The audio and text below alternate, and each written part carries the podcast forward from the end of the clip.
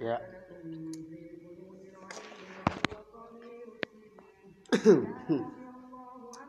Bagi para pendengar-pendengar.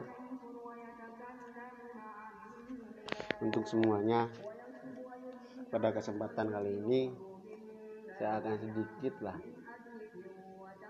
membacakan atau ya baca puisi-puisi tentang karangan Argawi Kandito. Dari penulis buku-buku spiritual penginderaan jauh. Berjumpa 26 nabi dan muak tabir kematian. Cuman ya pada kali ini saya akan membacakan buku tentang pengakuan-pengakuan Syekh Siti Jenar. Kalau kita mbak di dalam rangkuman ini ada sebuah puitis puitisnya itu seperti ini aku adalah manusia biasa Aku bukan berasal dari cacing. Tidak pula aku dipancung lalu menjadi anjing. Sekali lagi, aku hanya manusia biasa. Sama seperti kalian semua. Aku punya ibu, punya ayah, punya paman, punya saudara. Aku hanya ingin mengabdi diriku bagi kemanusiaan. Aku hanya menjalankan tugasku sebagai hamba Tuhan. Aku mempelajari ilmu, lalu aku tebarkan. Aku memiliki gagasan, lalu aku tularkan. Jika kemudian sejarah mencatat perjuanganku, maka biarkan itu menjadi amalku. Jika darahku sendiri yang harus menjadi tintanya, maka biarkan itu menjadi saksiku di hadapannya. Aku hanya manusia biasa. Kalian memanggilku Siti Jenar.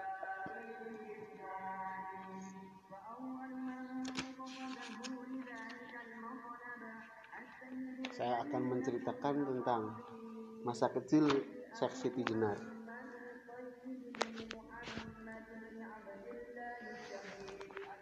Syekh Siti Jenar lahir di daerah Gunung Jati, sebuah daerah di antara Indramayu dan Cirebon.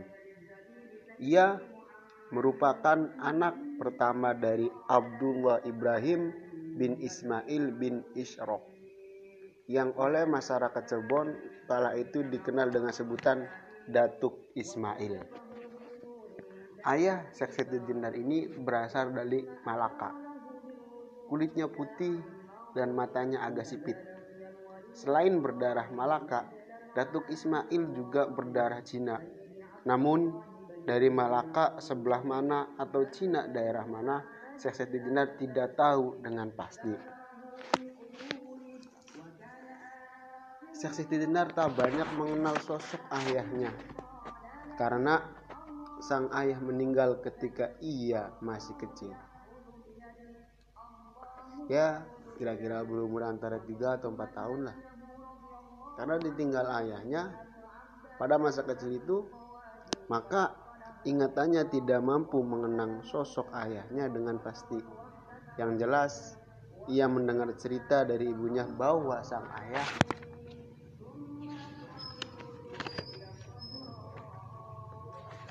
meninggal saat perjalanan berdagang menuju Malaka.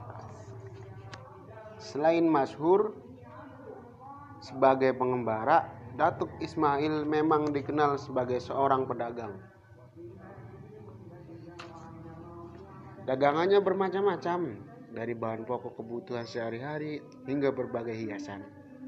Perdagangannya dilakukan antara pulau, terutama Pulau Jawa dan Sumatera. Karena perjalanan dagang masa itu ditempuh dengan berlayar, Aktivitas perdagangannya itu pun sering diistilahkan dengan berlayar. Datuk Ismail sering mondar-mandir antara Malaka dan Cirebon. Kadang ia mengambil barang dengan dagangannya dari Malaka, lalu menjualnya kembali ke Cirebon atau sebaliknya.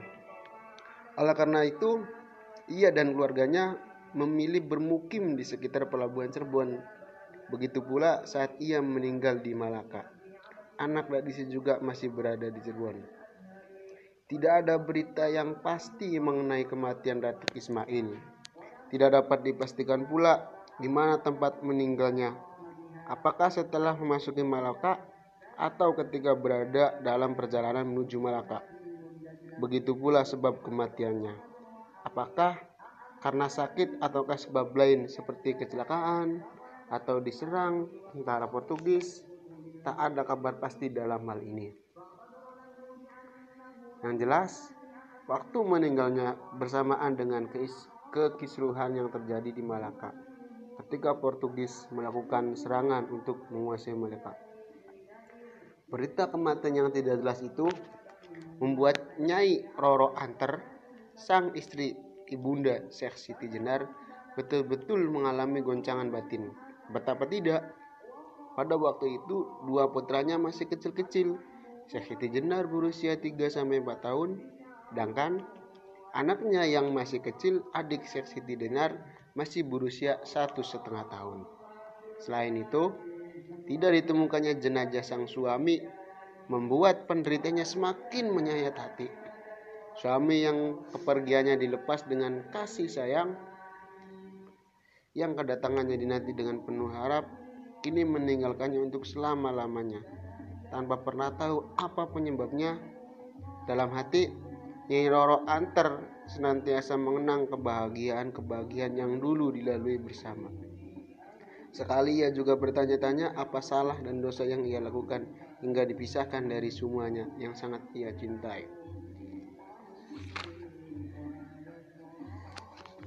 Syekh Siti Jenar yang bernama kecil Abdul Hasan bin Abdul Ibrahim bin Ismail ini mengaku masih ingat betul kejadian itu. Seorang nelayan berpakaian kumal datang menuju rumahnya. Ketika itu, Abdul Hasan sedang duduk di serambi rumah kecil di rumah sambil menunggu adik kecilnya yang sedang tiduran. Ibunya memasak nasi di pawon atau dapur. Saat sang ibu itu tahu ada seorang yang datang menuju rumahnya, maka ibunya pun segera beranjak dari pawon lalu menyambut kedatangan sang tamu. Abdul Hasan melihat pembicaraan sang tamu dengan ibunya dengan raut muka sedih. Lalu Abdul Hasan melihat ibunya menangis sejadi-jadinya. Tubuhnya lunglai dan pingsan. Tanpa tahu apa yang terjadi. Abdul Hasan pun menangis. Saat itu pula orang-orang yang datang ke rumahnya makin banyak memenuhi dalam dan luar rumah. Ibunya tak kunjung sadar dari pingsan. Setelah siuman, sang ibu sesekali memandangi Abdul Hasan dan adiknya. Lalu meledak lagi tangisannya. Beberapa tetangga mencoba menggendong Abdul Hasan dan ada pula yang menggendong adiknya. Peristiwa itu diingat benar oleh Abdul Hasan. Setelah ia dewasa, baru ia tahu bahwa itulah peristiwa kematian sang ayah. Sang ayah meninggalkannya ketika ia masih kecil dan ia tak mengenal sosok ayahnya dengan baik bahkan rupa ataupun perilaku ayahnya pun tak ingat dengan jelas. Hanya sesekali ia teringat sosok seorang yang muncul dalam ingatannya, meski ia sendiri tidak yakin apakah itu ayahnya atau bukan.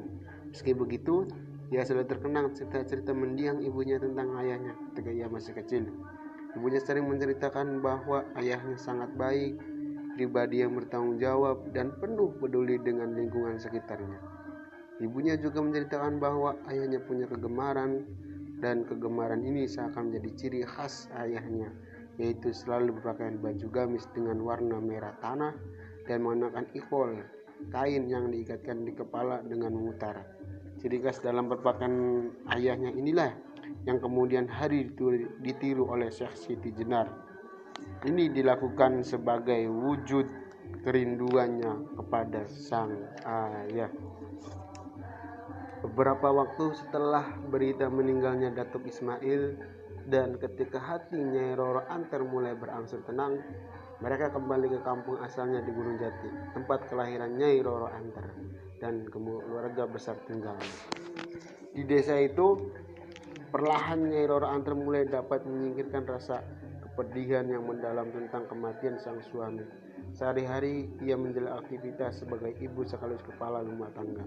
Di sore hari, Banda Asar, Nyai Roro Antar mengisi waktunya dengan mengajari anak-anak mengaji di di di suara kecil yang terletak di pekarangan rumah orang tuanya. Abdul Hasan juga sering mengikuti pengajian ini. Surau tersebut adalah surau yang dulu didirikan Datuk Ismail ketika masih pengantin baru.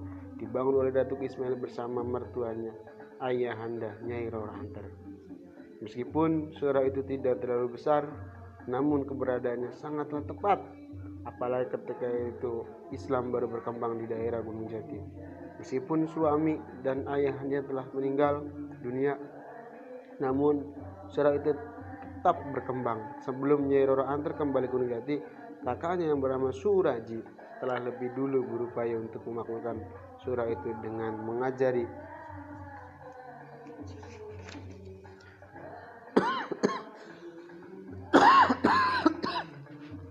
dengan mengajari ngaji warga lingkungan. Berbagai daya pikat seperti seni rebana, solawatan, dan berbagai model pengajian telah dilakukan. Bahkan sesekali Suraji mendatangkan para dai kenalannya dari daerah lain.